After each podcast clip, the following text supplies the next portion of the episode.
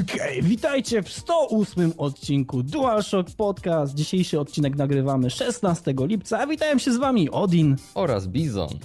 I nikt więcej, dlatego że Blady umarł, a Czalny dalej się nie odzywa, zaginął w akcji. Tak czy inaczej przechodzimy do naszych tematów. Pierwszy z nich to Steam Sale nadal trwa. Później plotki na temat Metal Gear Solid 5. Następnie PS3 będzie jeszcze bardziej slim. Project Uja wchodzi na rynek gier oraz konsol. Następnie Battlefield 4 i przyszłość z nim związana. Następnie nowe fragmenty rozgrywki z Resident Evil 6. Brakuje już łączników i na sam koniec długi temat z Hitman Absolution, tak więc zapraszamy do słuchania następnie i kolejny raz i tak dalej. I zaczęło się. Ludzie czekali, ludzie się doczekali. Gabe Newell wystartował, Steam Sale wystartował, no i Odin ma tutaj przygotowane parę perełek, które pojawiły się w trakcie owego Steam Sale'a. Odin, take it away. To znaczy, ja nie wiem, czy Gabe Newell konkretnie wystartował, bo biorąc pod uwagę jego budowę ciała, no, byłoby ciężko, żeby zaczął Chyba, biec. żebyś miał armatę albo... Tak, tak, ale niemniej chodzi o to, że mamy Steam Sale, mamy te świetne promocje na Steamie, gdzie naprawdę możemy zakupić no, rewelacyjne tytuły w bardzo niskich cenach. E, Aktualnie jesteśmy w stanie kupić Dear Esther za euro 80. Można było kupić Magicę, można było kupić, e, o ile dobrze kojarzę, Trine 2 też poniżej 2 euro, tak więc naprawdę są gry, na które warto spojrzeć i chyba jednak jakoś no, zdusić w sobie tą nienawiść do tego DRM-u, którym niewątpliwie jest Steam, ale mimo wszystko oferuje nam naprawdę bardzo dobre gry w bardzo dobrych cenach. E, No i myślę, że warto na to po prostu spojrzeć, dlatego że przeceny są i przeceny będą jeszcze przez parę dni, tak więc każdy, kto tego słucha teraz w środę, uderzajcie na Steam Sale, dlatego że można naprawdę zaoszczędzić mnóstwo pieniędzy, a zagrać w naprawdę bardzo dobre tytuły i wielokrotnie pojawiają się kolekcje całych gier, czyli na przykład mamy kolekcję Hitmanów, mamy kolekcję Max Payne'ów, mamy kolekcję Trainów. Kolekcja Tak Bethesdy więc- chyba Uch. też jest jakaś. No Ale tak, też- tylko że nie w naszym kraju, dlatego że my jesteśmy razem z Bułgarią i innymi, które, które nie mogą grać w Skyrima oficjalnie, więc nie kupisz Skyrima na Steamie, no ale tak czy inaczej na przykład Prince of Persia, kompletna kolekcja wszystkich Prince of Persia, jakie kiedykolwiek wyszły, naprawdę się opłaca, tak więc no z mojej strony jak najbardziej polecam, zapraszam Piotr Frączewski. Tak, i ja z tego co widziałem, to chyba dzisiaj trwa głosowanie na to, co ma być przecenione, czy Dead Space 2, GTA 4, czy Just Cause 2. I myślę, że to, że niedawno wyszły te filmiki z bety multi do Just Cause 2, to chyba ludzie jednak rzucą się na Just Cause. Coś Ale musisz tak odświeżyć stronę Bizon, dlatego że to było rano, niestety Jaskos przegrało, przegrało No na rzecz No, przegrało na rzecz Red Faction. Aktualnie jest e, głosowanie pomiędzy Lara Croft Guardian of Light, Mirror's Edge albo Beyond Good and Evil. O Jeśli Jezus, Beyond Good and Evil zostanie przecenione, to będzie kosztowało eurocenty. To już nawet nie będzie jedno euro, dlatego że Beyond Good and Evil jest naprawdę bardzo tanie. Jeśli oni je jeszcze bardziej przecenią, to naprawdę możemy się spodziewać wszystkiego. No to, ale to się okaże. W środę już wszystko to, co mówimy teraz, okaże się nieaktualne, więc zobaczymy, Tak. co będzie po prostu. No ale tak czy inaczej uderzajcie na Steam. Okej, kolejny temat. I czy, drogi słuchaczu, spodziewałeś się zerwania z cyklem Solid Snake im starszy, tym lepszy? Trudno. No niestety nie udało się. Kojima zapowiadał Project Ogre i wszyscy myśleli tak, w końcu Ogre, w końcu nie MGS, w końcu coś nowego. No na razie z tego co widzieliśmy dziś, wielka plotka, która obiegła no już cały internet chyba teraz, czyli pierwsze jakieś screenshoty z jakiegoś niby pokazu na Comic-Conie. Cholera wie co to jest, Konami oficjalnie się do tego nie przyznaje. No ale mamy napis Metal Gear Solid 5 na ekranie. I mamy opis Open Ground Reconnaissance Endeavors, czyli odchodzimy od Tactical Espionage Action i to OGR, ten wielki skrót, który przez tyle czasu próbowaliśmy rozwiązać, okazał się właśnie Open Ground Reconnaissance Endeavors i chociaż to daje nadzieję na to, że może rzeczywiście w tej grze się coś zmieni, bo jednak mają nowy silnik, Mhm. nowy silnik, który ma rzeczywiście konkurować, no według nich nawet z CryEngine'em, no zobaczymy jak to się sprawdzi w praktyce, ale jeżeli mamy open ground, jeżeli rzeczywiście świat będzie bardziej otwarty i Kojima sam mówił o tym, że Project Ogre będzie bardziej nastawiony na otwarty świat niż na prowadzenie historii, to tutaj możemy rzeczywiście doda- dostać dobry produkt. Tylko ja się zastanawiam, dlaczego mimo wszystko Metal Gear Solid? Dlaczego ten człowiek się jeszcze nie może od tego uwolnić? I teraz... Bo jemu nie pozwalają, Bizon, taka jest oficjalna wersja, że Kojima chce, Kojima rękami się odpycha, ale oni nadal go do tego studia ściągają i każą mu pracować. Biedny Kojima Achoch. No ale widzisz, to jest głupota według mnie, że my dalej drążymy to samo, bo z tego co się orientujemy po tych właśnie screenach, które się pokazały, to rzeczywiście będzie to prequel, rzeczywiście będzie to Big Boss i będzie to Big Boss gdzieś tam w Afryce i będziemy spotykać Greya Foxa i masę postaci i znów wydaje mi się, że pojawią nam się ogromne dziury fabularne, których nic nie załata oprócz nanomaszyn, jeżeli przyjmujemy, że nanomaszyny to jest rozwiązanie na każdy problem w świecie jest, Metal Gear Solid. Jest, tak tak. Ale też pojawią się na pewno rzeczy typu no niezgodność dat, tak jak to się pojawiało, kiedy wyszło Portable Ops i takie pierdoły. To jest po prostu drążenie tego samego. I o ile lepiej by było, gdyby Kojima rzeczywiście się odciął, gdyby to nie nazywało się Metal Gear Solid 5, skoro to nie jest Tactical Espionage Action. No szkoda. Jeżeli to ja oczywiście ci... okaże się prawdą, bo jeszcze na razie nie wiemy, ale no wiesz jak Ja ci gratuluję Bizon nadziei, dlatego że moje nadzieje się rozpadły po trzeciej, znaczy właściwie, no tak, można powiedzieć po trzeciej części, kiedy zacząłem widzieć jak kształtuje się część czwarta.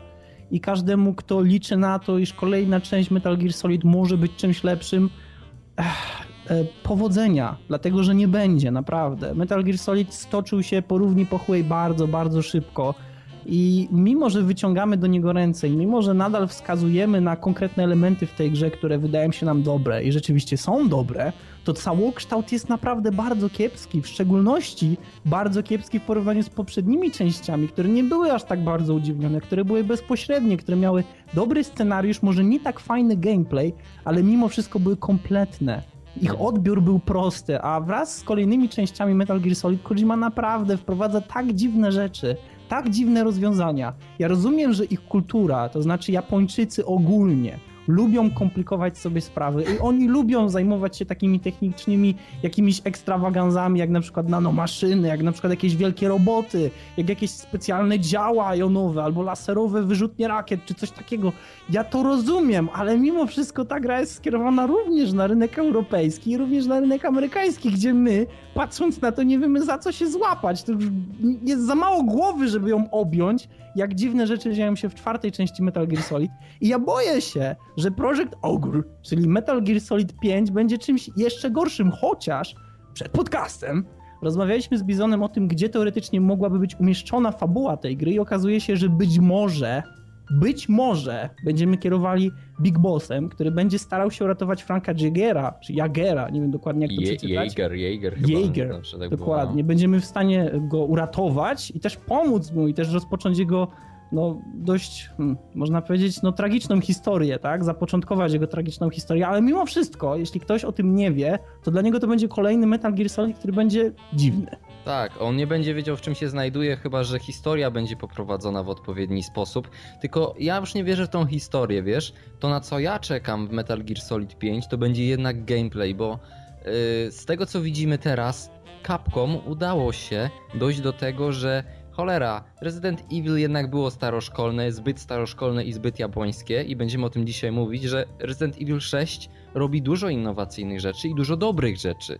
Dlatego... Tak, ale fabuła też się, widzisz, fabuła się tylko i wyłącznie troszeczkę zmienia. Dalej mamy wirusa, ludzi, którzy wyglądają trochę inaczej. Wszystko jest praktycznie takie samo, ale mimo wszystko chce się w to grać. Albo przynajmniej znajdują się ludzie, którzy powiedzą: OK, nawet jeśli ta fabuła jest taka sama, gameplay się zmienił, jest dobrze. A Kojima robi tak. Na samym początku trzeba wszystko obrócić o 180 stopni. I rozumiesz, i potem luki, które powstają poprzez rozciągnięcie tej fabuły. Zapełniamy nanomaszynami nanomaszynami na przykład, ale też dobrym gameplayem, no bo trzeba powiedzieć, że na przykład w Metal Gear Solid 3 pojawiły się naprawdę świetne gameplayowe rozwiązania. Mhm. W czwórkę też dało się grać bardzo przyjemnie, ale potem pojawiała się fabuła no i, i było ciężko. I kto wie, czy nie lepiej by było, gdyby Metal Gear Solid 4 miał fabułę Crysisa pierwszego, czyli ona by nie istniała, wtedy tak, być może byłaby bardziej miodna. Ja nie mogę zdzierżyć tej małpki, która pije Coca-Colę, naprawdę. To jest to jest złe. To jest, to jest w ogóle. Mm. Zobaczymy w co się to rozwinie. Na razie możemy zostawiać przy tych spekulacjach. Metal Gear Solid 5 powstaje i niestety musimy poczekać na więcej informacji. PlayStation 3 w wersji Slim. Jeśli ktoś niewystarczająco nacieszył się swoim... Czekaj. Mi się wydaje, że był tak, ogromny czarny błyszczący chlebak, później mniejszy, bardziej matowy czarny chlebak i teraz y, wychodzi co, w końcu troszeczkę będziemy... mniejszy. Tak, wychodzi troszeczkę mniejszy chlebak w wersji slim, czyli coś takiego jak Coca-Cola Light i Coca-Cola Zero, odrobinę różnią się smakiem oraz butelką. Tak czy inaczej, mamy trzy wersje tych konsol. I pierwsza z nich różni się o tyle od poprzednich, że ma 16 GB wbudowanej pamięci flash, czyli nie ma nawet dysku twardego. Czyli to będzie coś na zasadzie Xbox Arcade, Mhm. być może. Kolejny e, egzemplarz będzie miał 250 GB na dysku twardym, a następny już ostatni 500 GB na dysku twardym. Oczywiście odświeżony design, Mhm. choć nadal z błyszczącym plastikiem, co mnie naprawdę bardzo cieszy, dlatego że ten plastik jest najlepszym rozwiązaniem dla każdego gracza. Dlatego, że konsolę najlepiej schować w gablotce, żeby na nią, broń Boże, żaden kurz nie upadł, bo próbując go zetrzeć, oczywiście powstają rysy od zwykłej ściereczki. Tak więc ja, ja nie wiem, obkleić ją folią trzeba, czy, czy coś Znaczy, takiego? jak ja miałem pożyczone PS3 u siebie, to starałem się zachować taką taktykę, że po prostu pozwalałem, żeby kurz po prostu na niej osiadał.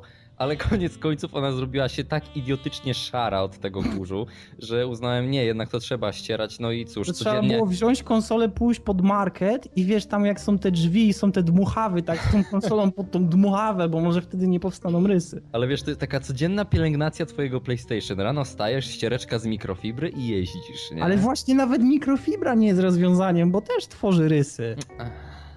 Okej, te- ale co z tym, ale co ze środkiem konsoli? Czy coś się tam zmienia, oprócz tego, że ona jest po prostu mniejsza? Nie, nie. Jest wszystko dokładnie to samo, co w poprzednich wersjach PS3, jak to w ogóle brzmi, poprzednie wersje PS3, czyli płyta główna, CPU, GPU, wszystko to pozostaje bez zmian, nawet zasilacz jest identyczny.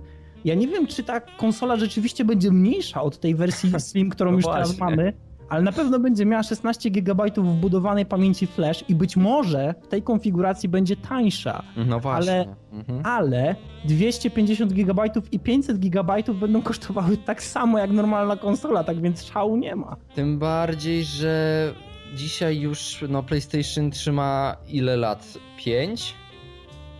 To już jest Nie, naprawdę. Więcej. 6 albo prawie 7. No to jest już konsola, która no, praktycznie się powinna wycofywać. Jednak prowadzamy nowsze, nowsze, nowsze wersje. I o ile e, kiedy wchodziło PlayStation 2 w Slimie, to wyszedł jeden model i ten model wiadomo kosztował no, dość spore pieniądze. Nie było takiej dużej, jakby no, dużego skoku, ale też konsola była wiele mniejsza, miała wbudowany modem i Ale- według mnie ale- było warto kupić wersję Slim. Ale miała laser też inny. Nie zapominajmy, że PlayStation 2 miał laser, który po jakimś czasie przestawał wspierać niektóre płyty. Nie wiadomo Mhm. dlaczego, ale tak było. Ale te płyty Wersja Slim to rozwiązała. E, Jeżeli się nie mylę, to te dwuwarstwowe DVD, które przekraczały tam te 4,7 giga, to ona już miała jakiś problem z nimi, także ludzie, którzy chcieli pograć na przykład no, w God of War 2, to już chyba nie dawali rady z tego, co kojarzę. I widzisz, to jest coś, co rzeczywiście należało wprowadzić, zostało wprowadzone i ludzie kupowali slimy, zastępowali te grubasy, ale myślę, skoro mam slim, to po co mi nieco bardziej slim? No nie wiem, no trochę to jest, trochę nie rozumiem polityki Sony, które powinny się raczej zająć teraz innymi rzeczami, no ale skoro chcą wypuszczać i skoro znajdą na to kupców, no to proszę bardzo, no nie będę im zabraniał, nie? Ja nie wiem, naprawdę. Ja nie wiem, dlaczego oni, oni się decydują wypuszczać taką wersję konsoli. Jeśli to będzie rzeczywiście jeszcze bardziej slim, jeśli ta konsola byłaby fizycznie rzeczywiście znacząco mniejsza od tej wersji slim, którą mamy aktualnie, to na pewno znajdą się ludzie, którzy powiedzą: O kurczę, to jest trochę mniejsze, to jest wygodniejsze, mogę to zabrać o wiele łatwiej. Na przykład do znajomego mogę z tym wyjechać gdzieś na wakacje albo na ferie zimowe, obojętnie. To jest lepsze rozwiązanie dla mnie jako Mhm. osoby, która podróżuje, ale jeśli ta konsola będzie niemalże identyczna wielkościowo i będzie miała ładowaną płytę z boku, czyli będziemy mieli taką mm, tackę, którą trzeba wysunąć ręką i wcisnąć z powrotem, Mhm. ja, ja nie widzę sensu. Po prostu nie widzę sensu. Wiesz co, dla mnie z tego wszystkiego być może wyniknie jeden plus. Kiedy oni wypuszczą nowego Slima, to ten starszy Slim może lekko stanieć. Tak, pewnie znajdą się ludzie w Ameryce, którzy powiedzą sobie, o mój Boże, jest nowa wersja konsoli, trzeba zamienić tą na tą nową. Tak więc, no ściskamy kciuki, być może znajdą się tacy ludzie, którzy będą sprzedawać swoje konsole czym prędzej, a może my na tym zyskamy, ale poza tym nie wiem. Już od jakichś dwóch tygodni chyba czytałem w internecie o tym, że nadchodzi coś takiego jak projekt Oyua. Później znalazło się to na Kickstarterze I oni, z tego co pamiętam, mieli osiągnąć chyba 950 tysięcy dolarów, żeby wystartować w ogóle z projektem właśnie takiej nowej konsoli opartej o system Androida. I co się okazało, w ciągu chyba dwóch dni zgromadzili ponad 2 miliony dolarów. Nie, nie, 3, 3 miliony z hakiem. No teraz już jest chyba ponad 4, nawet nie patrzyłem, bo specjalnie mnie to już teraz nie interesuje, wiesz, ludzie 4 po prostu... miliony 900 tysięcy. No, no to 5 milionów można by powiedzieć i ludzie rzucają pieniądze w to. Normalnie prosto w ekran swojego komputera rzucają te pieniądze na Kickstartera i, i ja prawdę mówiąc na początku byłem nawet lekko jakby zapalony na ten pomysł. Pomyślałem sobie, no skoro rzeczywiście jest taka konsola, która ma być tania, która, na której niby gry mają być za darmo, no to rzeczywiście mogą się znaleźć na to kupcy, ale z drugiej strony zacząłem czytać opinie różne w internecie, zacząłem oglądać różne filmy i doszedłem do wniosku, że chyba jednak tworzenie takiej konsoli jest trochę bez, bezsensowne, no bo yy, no Androida mamy rzeczywiście w telefonach. Teraz praktycznie każdy telefon to ma i skoro możemy zagrać to na telefonie, no to no to już. Później mogę zagrać na telewizorze. Okej, okay, mogę w to zagrać na telewizorze, ale no ale mogę na telefonie, mogę z tym wyjść. To jest tak jakby przynosić tą konsolę, podpinać ale na telewizor. Ale nawet jeśli zagrasz na telefonie, to możesz to wysłać na telewizor. Rozumiesz? Więc to też jest takie trochę dziwne, że powstaje konsola, która w założeniach ma być mm, rozwiązaniem dla osoby, która nie posiada Androida, chociaż większość osób tego Androida posiada w swoich telefonach, bo teraz jakbyś nawet nie chciał, to Orange mhm. ci wciśnie telefon z Androidem. Znaczy, ja, z, ja z wyboru kupiłem telefon specjalnie, który nie jest dotykowy i nie ma Androida, bo się po prostu wyrzekam takich rzeczy od siebie, ale jeżeli ktoś chce, no to proszę bardzo, tylko ja nie rozumiem teraz tego też tłumaczenia, że oto mamy konsolę, na którą każdy może mieć wpływ, na której możemy mieć wpływ zarówno od strony software'owej, jak i hardware'owej, że możemy też bardzo prosto podobno. Nie ale wiem, to już ja się jest na tym nie na znam. telefonie. No wiem, ja się na tym nie znam, nie, ale są takie, takie tłumaczenia, że podobno to jest bardzo przyjemne urządzenie do y, tworzenia gier na przykład na tym. E, bo ale... owszem, Android, na Androida tworzy się gry w bardzo prosty sposób, naprawdę. Nawet nie trzeba się znać na programowaniu, bo jest tyle tutoriali, jest tyle samouczków, jest tyle narzędzi, które pozwalają ci tworzyć gry na zasadzie bloczków, które ze sobą sklejasz. To naprawdę, naprawdę jest proste i sam fakt tego, iż większość gier można programować w Javie, to tutaj uniwersalność jest bardzo duża, ale moim zdaniem największy problem, który już zresztą pisałem na czacie, e, ta konsola to tak naprawdę duży telefon. Mhm. Ona niczym się nie różni od telefonów, które aktualnie wychodzą. Ba! Jeśli spojrzymy sobie na czystą specyfikację, to Samsung Galaxy S3 jest telefonem, który jest mocniejszy od właśnie tej konsoli. A też jest posiada nawet chipset graficzny NVIDIA? E, o ile dobrze kojarzę, tutaj mogę się bardzo pomylić, to jest Nelly 400.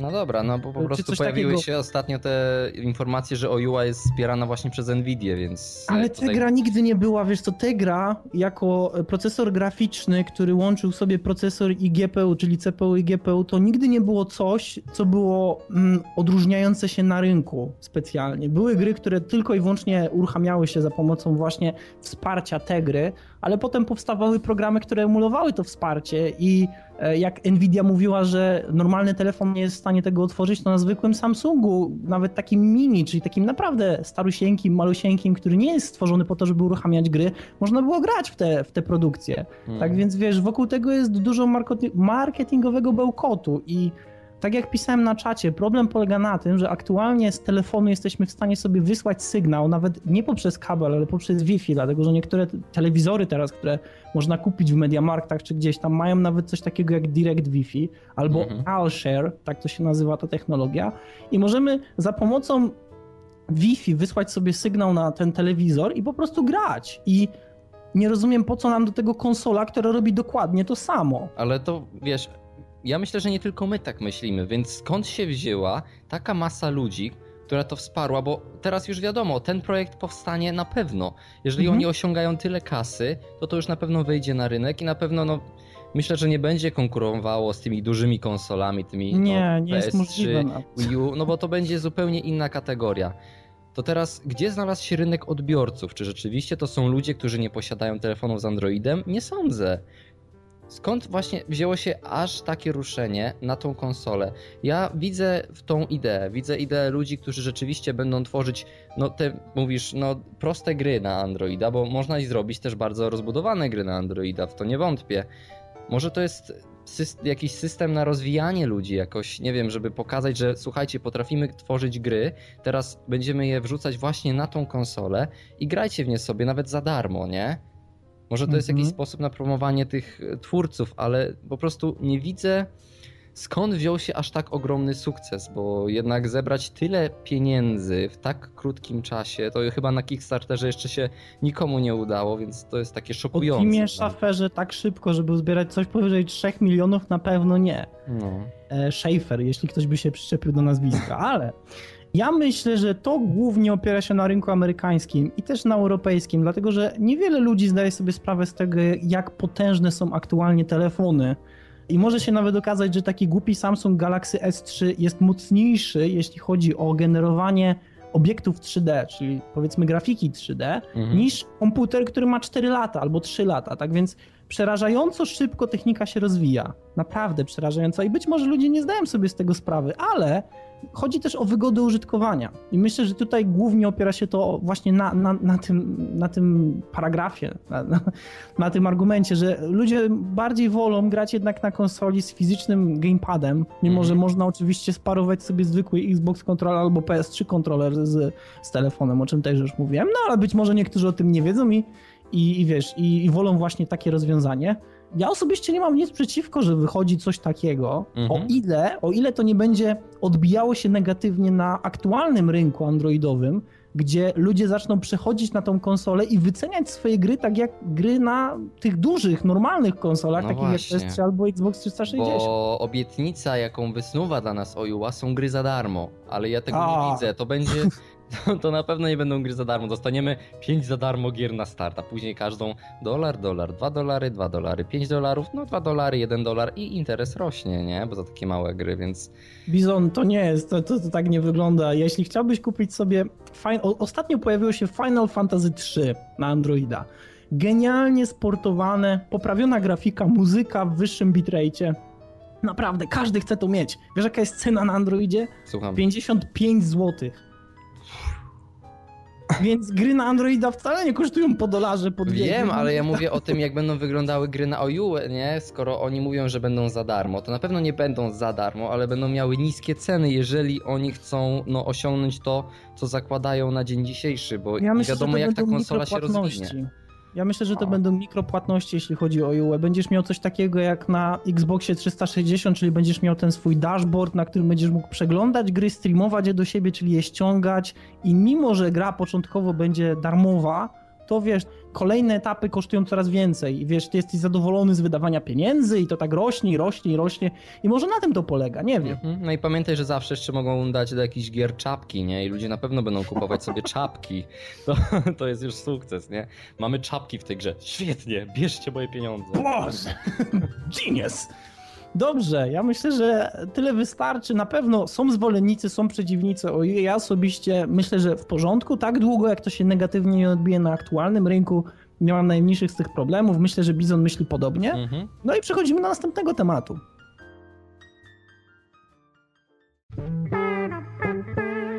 Okej, jeszcze nie tak dawno dowiedzieliśmy się, iż Battlefield 3 doczeka się edycji premium, która wprowadzi wszystko i da ci wszystko, tak żebyś się cieszył człowieku i był zadowolony.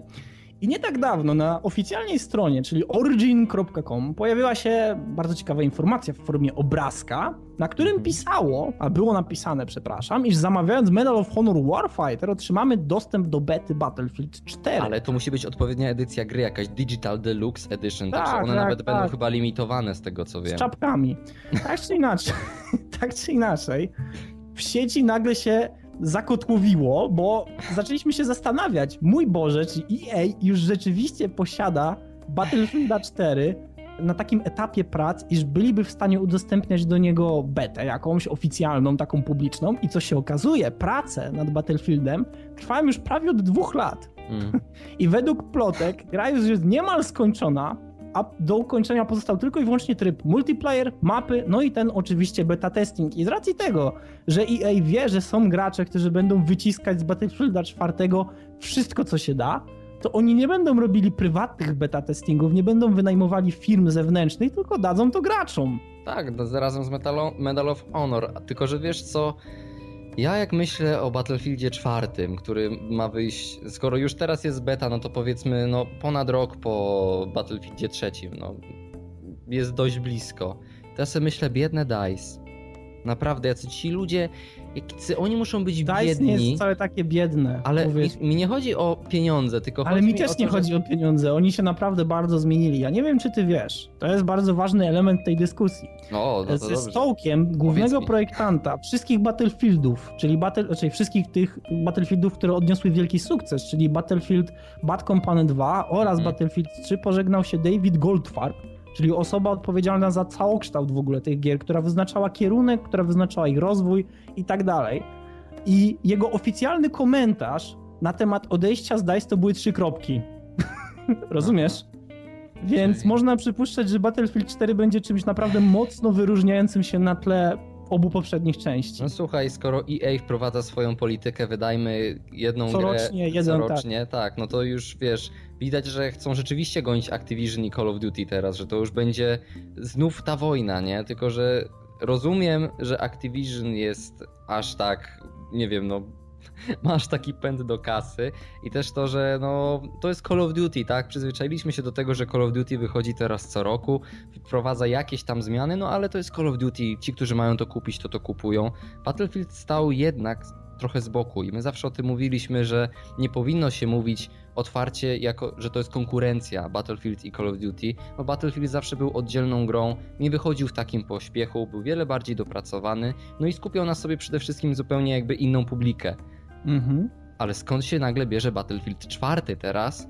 I dlaczego prace są już niby tak zaawansowa- zaawansowane? To co oni robiąc Battlefielda trzeciego już robili czwórkę w Tak. takim razie? Tak, według, jeśli, jeśli spojrzymy na chronologię, to w momencie, w którym była oficjalna beta Battlefielda 4, boże, trzeciego, to rozpoczęto pracę nad Battlefieldem 4. To to jest taki bankart. Battlefield 3 to jest taki, wiesz, tak wepchany, tak idź, a my w tym czasie zrobimy Znaczy, ja myślę, czwórkę. że ta edycja premium jest takim, wiesz, skokiem na kasę, tak, a, rzućcie tam im ten ochłap. Wiesz, wszyscy na to polecą, dlatego że no, każdy, kto gra w Battlefielda trzeciego, chce tych nowych map, chce tych nowych broni, chce tych dodatków.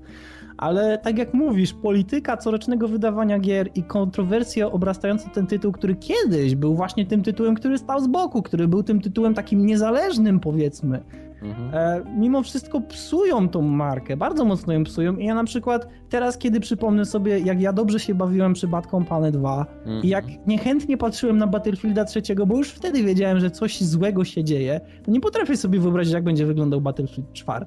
I nie potrafię sobie wyobrazić, ile do niego wyjdzie dodatków, ile broni będzie zablokowanych, ile pracowników DICE będzie miało, mm, powiedzmy, unikalny dostęp do nowych broni, dlatego że nie wiem, czy wiesz, ale w Battlefieldzie trzecim tak było. Ile wyjdzie dodatków płatnych, które będą ci odblokowywały możliwość zdobycia jakiejś broni po osiągnięciu jakiegoś levelu, albo drogę na skróty, gdzie po zapłaceniu odpowiedniej sumy po prostu ją dostaniesz. Ja nie wiem, naprawdę. Wszystko krąży wokół pieniędzy i to się zaczyna robić strasznie smutne, ale to też mnie smuci to, co mówisz o DICE, bo jednak ja odkąd, odkąd ukończyłem Mirror's Edge pierwsze, czekałem na dwójkę, że oni... Teraz już mi ta dwójka krąży po głowie.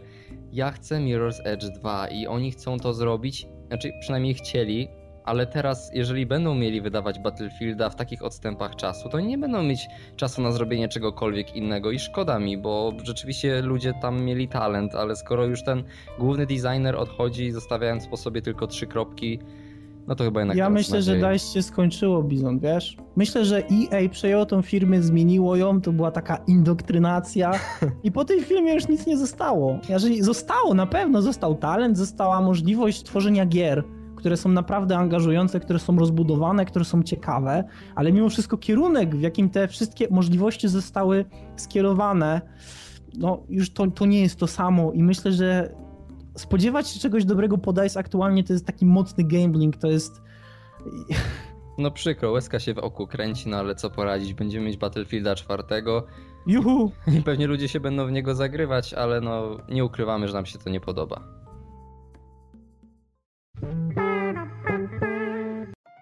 Wiele o Resident Evil 6 w ostatnim czasie się mówiło i to akurat mówiło się w kontekście bardzo kiepskim, bardzo złym, więc mam nadzieję, że ta zła passa przeminie. Dlaczego? Otóż pojawiają się dwa gameplaye. Pierwszy gameplay Chrisa, drugi gameplay Jake'a, czyli syna Weskera. Mhm. I teraz to są gameplaye, które się bardzo od siebie różnią i my razem z Bizonem zauważyliśmy to no, jednoznacznie i można powiedzieć, że od razu, dlatego że te gameplaye naprawdę wyglądają pomiędzy sobą tak jak oddzielne gry. Mhm. Jeśli spojrzymy na gameplay Chrisa, to mamy po pierwsze sekwencje strzelankowe, mamy bardzo dynamiczną akcję, mamy kilka rodzajów broni przy sobie, menu ekwipunku, które rozkłada się horyzontalnie, czyli nie tak jak w piątce zasłania nam cały ekran. mamy roślinki w formie utartego proszku, a nie tak jak kiedyś mieliśmy doniczki razem z roślinami, tak jakbyśmy, nie wiem, mieli to mieścić w Mogli rozbijać na głowach przeciwników. Używać, nie? Nie wiem, czy zauważyłeś, jak używałeś tej doniczki, to miałeś już spray, nie wiem jak to się działo. Ale tak czy inaczej mamy też możliwość łączenia ekwipunku, czyli wszystkie te rdzenne rzeczy, które były w Resident Evil 5, ale trochę ulepszone. Mamy gameplay drużynowy, e, więc prócz nas jest jeszcze trzech innych graczy, w tym jeden, który może być kontrolowany przez naszego znajomego. I tutaj uwaga, imię tego znajomego, imię, imię tego drugorzędnego bohatera to Pierce Nivans. Ja dalej nie wiem, czy ja to dobrze czytam, ale tak mm. się nazywa, więc to jest Piers. Nie czytać pierś, Piers. Pierś Iwans. Przychodzimy, przychodzimy za bardzo na stronę Iwans. Właśnie, to, no właśnie, pierś Iwans, tak, dobrze. Okej. Okay.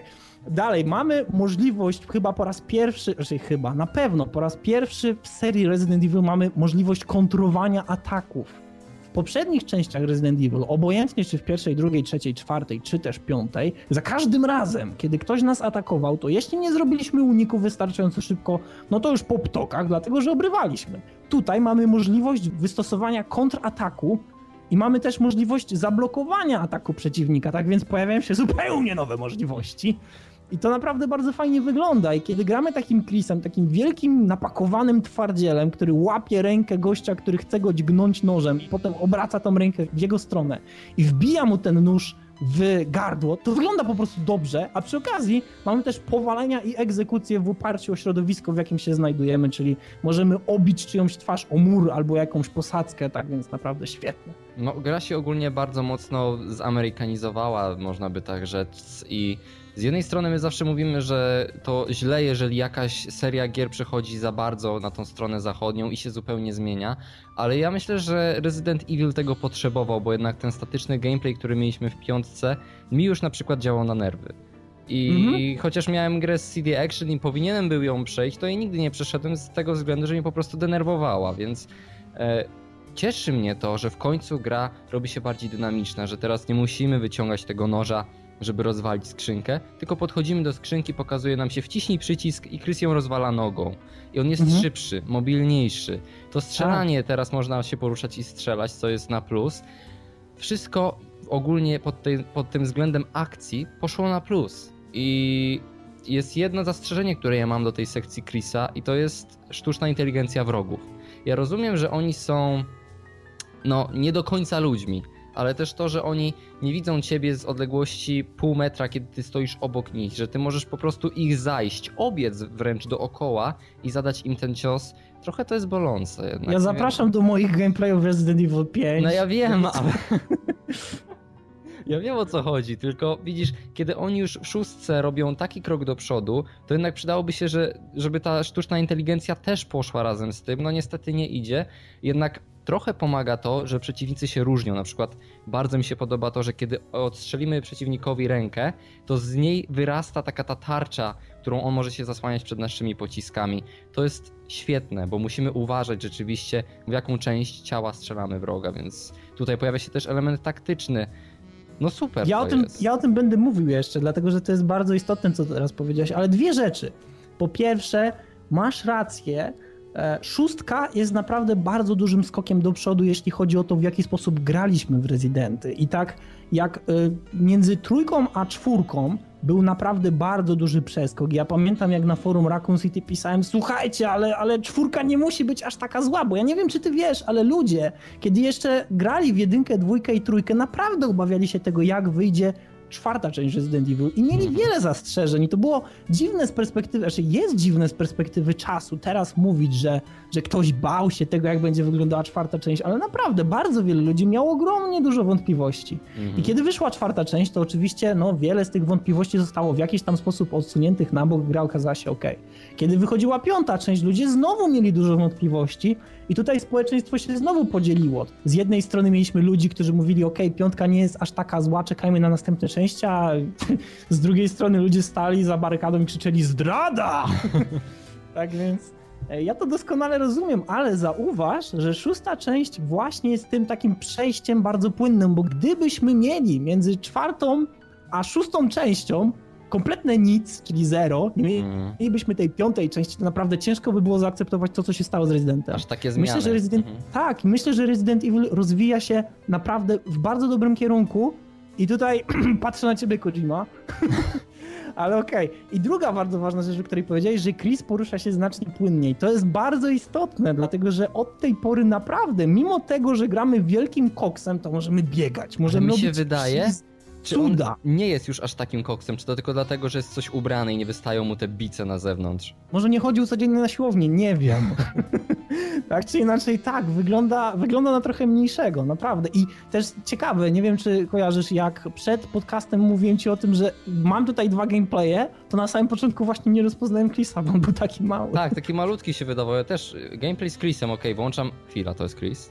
Tak, tak. Naprawdę jest znacznie mniejszy. Teraz jeśli chodzi o grafikę tego gameplayu z Chrisem, naprawdę Resident Evil 6 prezentuje cudną grafikę i Chris, moment kiedy my nim gramy, to wokół nas jest pełno szarości, jest pełno rdzewiałego koloru, jest śnieg, który cały czas spada i buduje naprawdę taki bardzo dobry, przygnębiający klimat. Mhm. Nie jest może tak dosadny, ale mimo wszystko czujesz to, kiedy na to patrzysz, że to jest zrujnowane miasto. To jest miasto, które jest pełne ludzi, którzy ledwo co trzymają się na krawędzi, że niektórzy z nich po prostu już przemieniają się w te zombie, niektórzy z nich zmieniają się w zwykłych bandytów, zabijają i tak dalej. Naprawdę bardzo fajny krok do przodu. Teraz walka z przeciwnikami z bliska i na dystans. Przeciwnicy mają te same bronie, co w poprzednich częściach, więc jak ktoś liczył na to, że po raz kolejny będą do nas strzelać z wyrzutni rakiet, tak będą. Tak będą.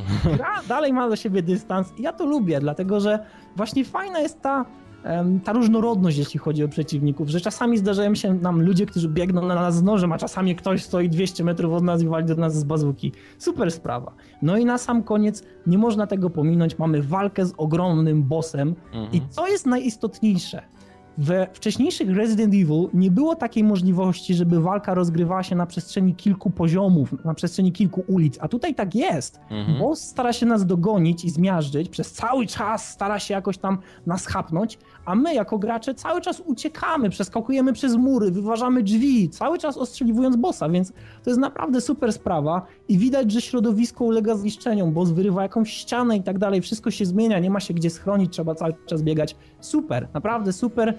Mimo tego, że to jest zupełnie inny Resident Evil niż ten, który wcześniej był, to mi się to podoba. Teraz Mhm. jeśli chodzi o drugi gameplay, czyli Jake, czyli syn Weskera, e, mamy znowu sekwencje strzelankowe. Mamy trochę mniej dynamicznej walki, ale to wciąż jest mocno powyżej standardu, jaki wyznaczyła ta część czwarta, a nawet część piąta, prawda? Dlatego, że to widać, że my biegamy, wykonujemy te wielkie wyskoki, półobroty, za chwilę wchodzimy na jakąś drabinę, zeskakujemy na inną kondygnację. No gra jest na pewno znacznie bardziej dynamiczna, ale mimo wszystko trochę mniej niż gameplay z Chrisem i tu widać, że Capcom rzeczywiście stara się dotrzymać słowa, mówiąc, że tak, Chris to będzie ta super dynamiczna walka, Jake to będzie to pomiędzy, a Leon to będzie ten rdzenny Resident Evil takiego, jakiego rzeczywiście chcieliście. Ale słuchaj, Więc- bo ja właśnie wątpiłem w to, że to będzie tak podzielone, póki nie zobaczyłem rzeczywiście, jaka jest różnica między Leonem a Chrisem.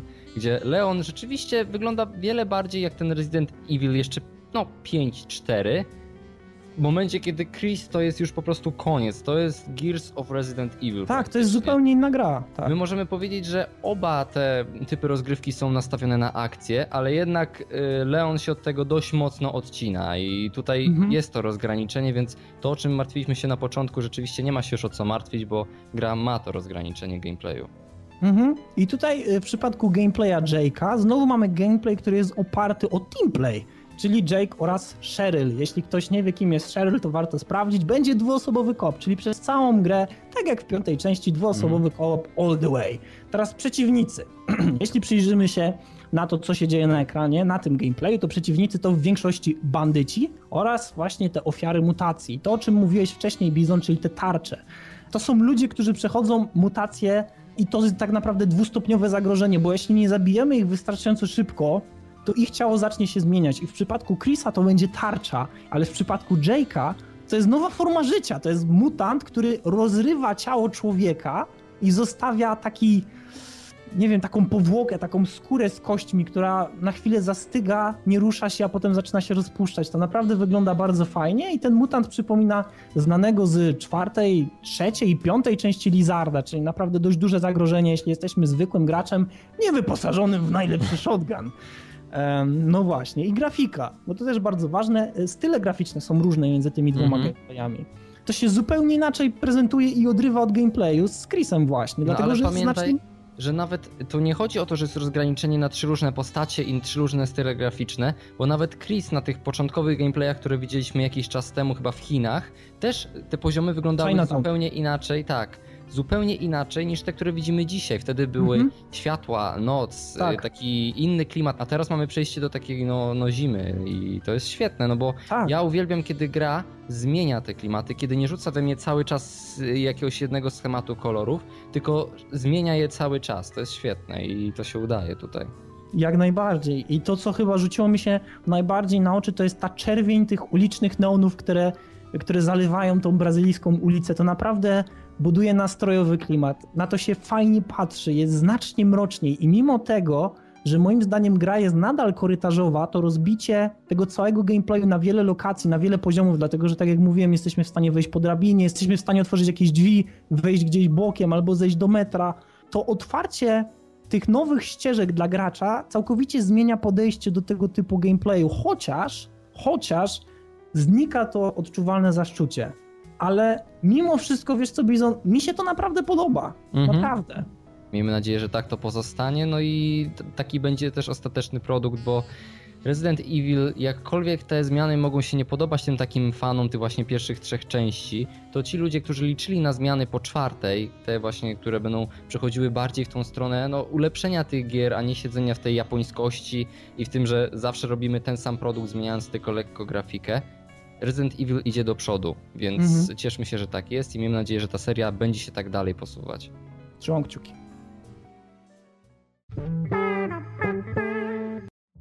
Okej. Okay. Tak. Dobra, jeszcze Jedziesz, raz. Pizdu. Nie, Nie. proszę, mów dalej, to jest tak genialne. Okej, okay. w takim razie będziemy mówić o Hitman Absolution teraz, to jest już ostatni temat dzisiejszego odcinka. Ja prawdę mówiąc miałem ogromne, ale to no, ogromne wątpliwości co do Hitman Absolution po tym jak zobaczyłem trailer podaj nazwany Saints, czyli tam gdzie Hitman zabijał te zakonnice gdzieś w jakimś hotelu w Meksyku czy gdzieś to było. Naprawdę nie wiedziałem czego się spodziewać, ale całe szczęście pojawił się gameplay i ten gameplay, który trwa chyba nawet 17 minut, jeżeli się nie mylę, pokazuje nam w końcu otwartą misję, naprawdę otwartą misję, w której możemy robić praktycznie co nam się żywnie podoba, tak jak to lubimy robić, tak jak to robiliśmy w Hitman Blood Money. I powróciła ta nadzieja. Zresztą, to można powiedzieć, że to nie jest nadzieja. Już widać, że Hitman Absolution to będzie dobra gra. I o ile. tak. E, można mieć jednak e, nieco mieszane uczucia co do tych na przykład, nie wiem, e, elementów, które zostały teraz dodane z tych nowych gier, typu no to zaznaczanie przeciwników do szybkiej egzekucji, tak jak mhm. to było na przykład w Conviction. No wiadomo, że niektórym może się to nie podobać. Ja nie wiem, jak to będzie działać. Być może to ma swoje miejsce w grze, gdzie rzeczywiście to ma sens. Na razie to wygląda dość dziwnie, ale też chyba nikt nas nie zmusza, żeby tego używać. Ja wiem, że Blady zaraz by mnie zjechał, że skoro to jest, to masz tego używać, no ale...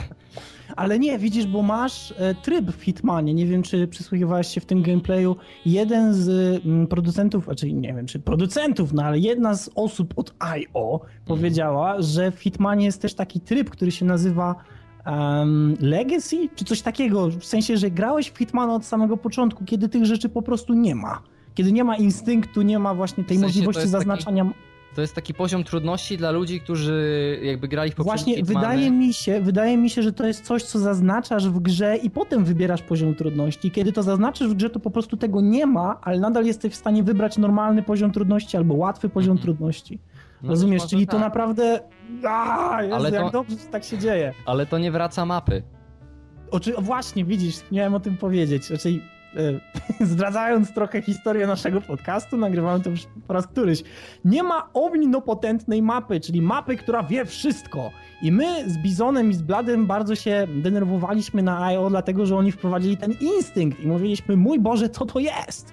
I teraz jeśli spojrzeć na to z tej strony, iż zawsze w grze mieliśmy mapę, która wie wszystko i widzi wszystko na każdym poziomie, to jeśli mamy instynkt, który działa na określonym obszarze, ma niewielki zasięg i też się kończy, to z tej perspektywy, to taki krok w tą stronę jest naprawdę bardzo dobry, dlatego że gra staje się po prostu trudniejsza, ciekawsza, mniej przewidywalna. No bo nie ukrywajmy, w poprzednich Hitmanach mogliśmy na początku misji otworzyć mapę, przeglądnąć wszystkie poziomy na mapie, zobaczyć gdzie są przeciwnicy, jak się poruszają i praktycznie największym ułatwieniem dla samej gry byłoby to, gdyby można było na ekranie mapy się poruszać, tak jak to było chyba w Dumie z tego co kojarzę. Włączasz mapę i idziesz do przodu.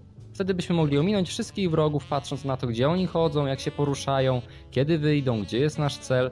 Teraz to się zmienia i to działa nie tylko na tej właśnie płaszczyźnie gameplayowej, ale też od strony fabuły, bo myślę, że bierze się to głównie stąd, że 47 nie ma dostępu do takich map teraz, jako że nie działa dla agencji, jest jakby przeciw agencji teraz. Ale nadal ma minimapę po lewej stronie, nadal ma bez. No minimapa jest niby, nie? Ale wiesz, ta duża, ta wszystko wiedząca mapa znika.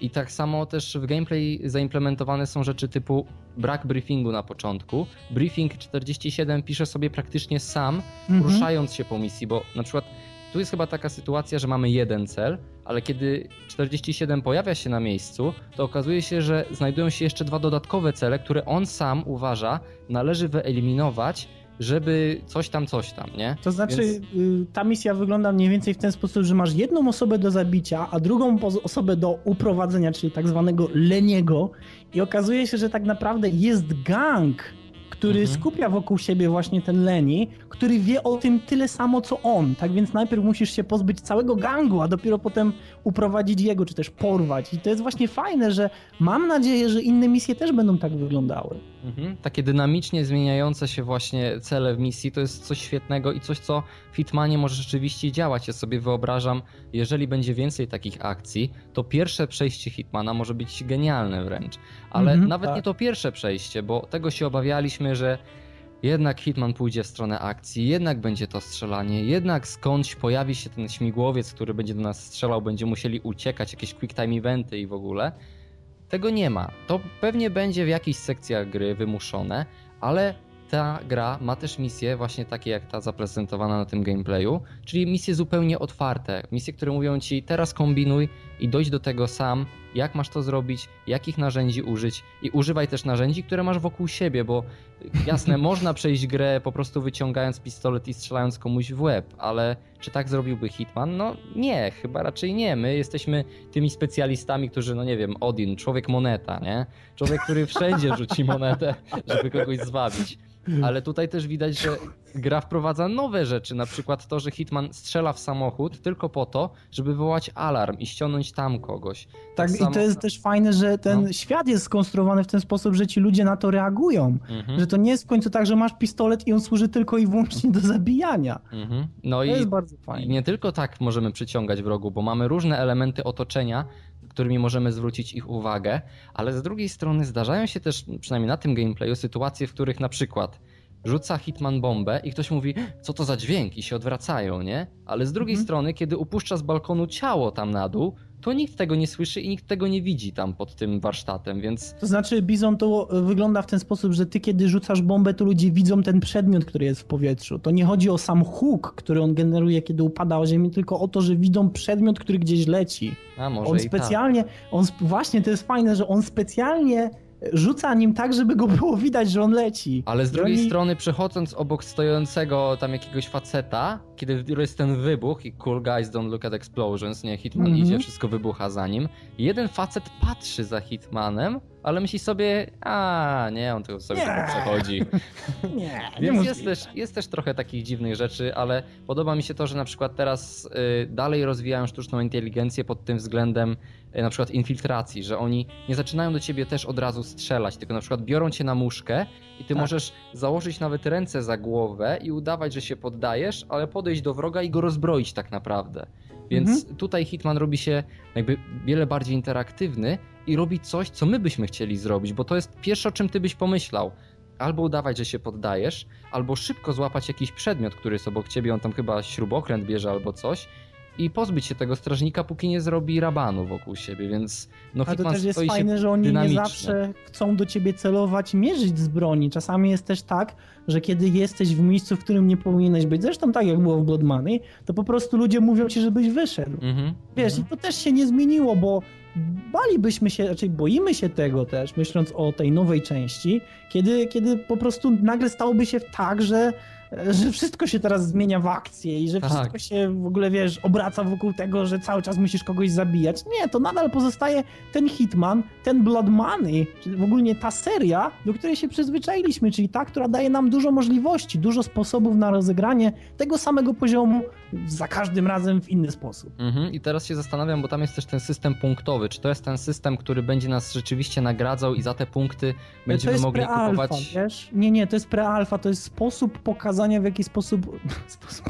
Okej, okay, trzymajmy się tego, to jest sposób pokazania tego, w jaki sposób gra ocenia to, co robimy. Tego w oficjalnej grze nie będzie, to znaczy w tej finalnej wersji nie mhm. będzie takiego, wiesz, y, kwadracika czy prostokącika, który będzie tam po lewej stronie u góry. Nie, nie, to po prostu będzie tutaj akurat na potrzeby tego, tego gameplayu, tego, tego czegoś, co tutaj jest zaprezentowane, po prostu e, wykazanie tego, iż gra e, no, ocenia nas. Mhm, patrzy na to, co robimy, patrzy nam na rączki.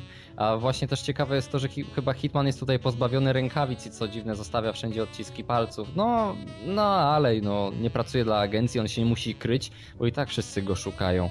Ale też to, co mi się podoba w tej grze, to jest to, że chyba jest wiele więcej niż Blood Money rzeczy, które można na przykład podnieść, z którymi można wejść w interakcję bo nawet mając naprawdę otwarte Blood Money, jednak nie było tak dużo przedmiotów. Tutaj wszystko może się praktycznie pod twoimi rękami stać bronią. Gdziekolwiek nie przechodzi Hitman, jest gdzieś jakaś butelka, jakaś cegła, jakieś coś. Wszystko Jakiś można... śrubokręt leży nieopatrznie. Tak, można coś podnieść, użyć. Rzeczywiście można kombinować i widzę ludzi, którzy też będą przechodzić tą grę po prostu nie używając broni, nie? Kombinując, używając rąk i tego, co znajdą w trakcie misji. Na pewno ta gra jest skonstruowana w ten sposób, bo widać, że IO podchodzi do tej gry z sercem i robią coś, co no, ma rzeczywiście przebić nawet Blood Money i ja im tego życzę, bo... Ale ja myślę, że to już w tym momencie to przebija, wiesz? Nie dość, że gra wygląda ślicznie i graficznie efekt LOMO mnie wcale tutaj nie denerwuje, a zwykle mnie denerwuje. Mhm. E, tu mnie to nie denerwuje, tu mi się to podoba i to, to jest właśnie takie ujęcie swojskie. Fajnie, że gra graficzny sposób prezentacji buduje odpowiedni klimat, że jesteś na takich typowych przedmieściach, gdzie ludzie siedzą w tych takich swoich, wiesz, małych domkach ze strzechy i drewna mhm. i mają warsztaty samochodowe i to jest taki redneck country i tak dalej. Takie to jest oderwane, tak jakbyś się nagle przeniósł w czasie 50 lat do tyłu i wszedł nagle do takiego amerykańskiego miasteczka, które być może gdzieś tam sobie rzeczywiście takie, jakby takie enklawy tych ludzi, którzy się nie posuwają aż tak strasznie do przodu z tą techniką, bo to tak wygląda, jakby Hitman przynosił się. Zauważ też, jakim on samochodem się porusza. Tak, wszystko, jest. Cała ta misja jakby zamyka się w tym takim klimacie lat, no nie wiem, 50., 60. Świetnie to wygląda i jeżeli tak te misje będą zmieniać się też klimatycznie, to to też jest na plus, bo to było Blood Money. Mieliśmy Ale będą, trochę będą, śniegu, pamię... trochę tego. No. Tak, tak, na pewno będą, dlatego że przypominasz sobie tą misję z helikopterem. Mhm. Tam było mrocznie, ciemno, to wyglądało jak Born Ultimatum, więc e, no, gra żongluje tym designem i to mi się naprawdę podoba. I też nie wiem, czy zauważyłeś, ale Hitman zwykle, kiedy mija osoby, które są w stanie go rozpoznać, to na tym gameplayu z helikopterem łapał za czapkę i ją opuszczał w dół. Mhm. Tutaj, kiedy mija osoby, które są go w stanie rozpoznać, to zaczyna drapać się po głowie, tak że zasłania twarz ręką. To jest yy, naprawdę fajne. Zasłania też y, z tyłu na głowie kot paskowy, żeby nikt nie tak. widział, jak przechodzi tyłem. Tak. Mhm. To jest rozwijanie, rozwijanie tego, czym było Blood Money, to, że on chował za plecy na przykład pistolet, nie? To jest dalsze rozwijanie tego typu gameplayu, ale pomówmy o jednej rzeczy, która mnie zdenerwowała na tym gameplayu. To jest jedna rzecz, która mnie kuje w oczy, czyli właśnie ten model egzekucji, że Hitman staje naprzeciwko pięciu gości, zaznacza, wciskacz przycisk i on ich zabija. Czy to jest tak naprawdę potrzebne, czy to jest zrobione lekko pod publiczkę, żeby właśnie ci ludzie, którzy no, nie są graczami hitmanowymi, też mogli się jakoś tutaj wykazać czymś takim bardziej arcade'owym, bardziej właśnie jak Conviction, bo według mnie ta gra tego nie potrzebuje. Tak, ale widzisz, e, tak jak powiedziałem, będziesz miał tryb, który to wyłączy, tak więc e, to na pewno jest, wiesz, e, rozwinięcie tej gry, jeśli chodzi o większą uniwersalność, tak? Więcej graczy jest w stanie grać w tą grę, dlatego że no jeśli chcesz grać jako taki zabójca, który ma na przykład jeden pistolet albo karabin i wykańcza wszystkich po kolei, no po prostu rujnuje całe miasto i dziesiątkuje wszystkich mieszkańców, proszę bardzo, nie ma najmniejszego problemu. Chcesz grać jak Born, chcesz grać jak Sam Fisher, który jest w stanie pozaznaczać przeciwników w zwolnionym tempie, a następnie ich wszystkich pozabijać, też nie ma problemu. Proszę bardzo, gra daje ci taką możliwość, ale jeśli chcesz grać jak taki prawdziwy 47, taki 47, który tak naprawdę jak wchodzi do miasta, to nagle dzieje się kolejka dziwnych rzeczy, różnych dziwnych wypadków, w których giną ludzie i wszystko jest bardzo nieprawdopodobne. I w twoim jeszcze przypadku wszędzie są porozsypywane monety. Bo to zależy, tak... wiesz, jak, jak patrzę na tą grę, to wydaje mi się, że tutaj nawet nie trzeba będzie używać tych monet. Może mhm. jeśli trzeba będzie zdobyć przebranie. Ja nie wiem, czy to będzie wyglądało tak jak w Blood Money, że będziesz miał różne paczki z przebraniem, jeśli wykupisz za odpowiednią kwotę możliwość ich pozostawienia na miejscu yy, albo na tej planszy, gdzie będziesz operował, ale naprawdę gra jest tak skonstruowana, że wydaje mi się, że daje bardzo, bardzo dużo nowych możliwości i ich jest więcej niż jak w przypadku Blood Money. Mhm. Więc e, no, ja ze swojej strony bardzo ubolewam nad tym, że nadal nie mam nowego laptopa. Cholera jasna. Ale myślę, ta gra że... wygląda świetnie, naprawdę. Tak, ale I... myślę, że ona ci się uruchomi, Bizon, naprawdę. Uruchomić może się uruchomi, nie? To zależy jaki będzie silnik graficzny, ale fakt jest faktem, że po prostu od czasu Blood Money nie widziałem gry która by dawała aż tyle możliwości i miała tak fajnie otwarty, otwarte te misje, więc no, czekam z zaściśniętymi kciukami, żeby to się udało rzeczywiście tak jak do tej pory, bo będzie w co grać. Oj tak.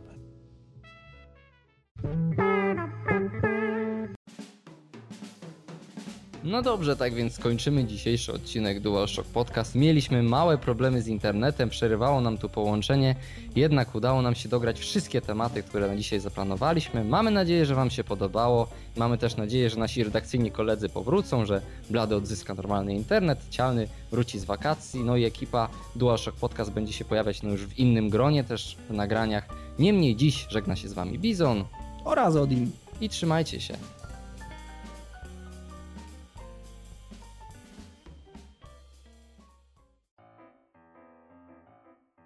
Nagrywanie już poszło jak coś, więc feel free to start. Nie, a nie włączam? Włą. Włą. No niby tak jest poprawnie. Dziwnie okay. to brzmi, ale już się tak przyzwyczaiłem tak mówić, bo po prostu mi wszyscy zwracali na to uwagę. No mi nie właśnie, ja cały czas jestem zagubiony. I'm a little confused. Sobie zapamiętam, że tak włon, tak jakbyś wchodził w łon, nie włono, włon. Okay. Następnie nowe plotki na temat Metal Gear Solid 5, później PS3 będzie jeszcze bardziej slim. Następnie Project Uja, czyli androidowe wejście na rynek gier oraz konsol. Później nadchodzi Battlefield 4. Na samym po... Chyba już mi już brakuje tych już łączników. Łączników, nie? Ja wiem, to jest, to jest problem. Później, następnie, później, następnie. Cholera, ja to może zrobię jeszcze raz. Ładnie idziemy dzisiaj po tych tematach no, chyba. Panie, zawsze jak z tą nagrywam, to idzie ładniej, szybko i w ogóle jest znaczy, To jest ten właśnie problem zawsze z trzecią osobą. Kiedy ty już uważasz, że jest fajnie i koniec, to ktoś jeszcze musi dopowiedzieć swoje Ale widzisz, bo w Mass Effectie było tak, że jak Casey Hudson zebrał... O ja. Ale tak było ostatni, w ostatnim podcaście, jak zaczęliśmy gadać o aktorach głosowych Blady, tak. od razu pizd, Mass Effect, słuchaj, a słuchaj, ekipa z Mass Effecta. Tak, to było takie, no tak, wiemy. Szkoda, że nie, nie powiedzieliśmy nic o świniach, które tam wrogo, no ale... Nie wiem, czy widziałeś? Nie. Widziałeś? Nie? To nie. są świnie, które tam uprawiają stosunek płciowy od tyłu. A świnie czy psy? Świnie, to są świnie i tam tak, tak, policjant teraz... stoi, rozmawia przez telefon i o nich mówi. Tak, tak. Właśnie, no, że o Jezu, patrz jakie świnie! Miejmy nadzieję, że wkrótce powróci Blady, który ma jakieś problemy z internetem, że powróci Cialny, który jest na wakacjach. No i ogólnie, że będzie wiele bardziej barwnie, choć dzisiaj też wcale nie było źle. Miejmy nadzieję, że wam się podobało. No kurwa. Okej, no więc żegnamy się z wami i Nie, dobra, życzymy... jeszcze raz, czekaj, jeszcze raz to zrobię, bo przecież tak nie można.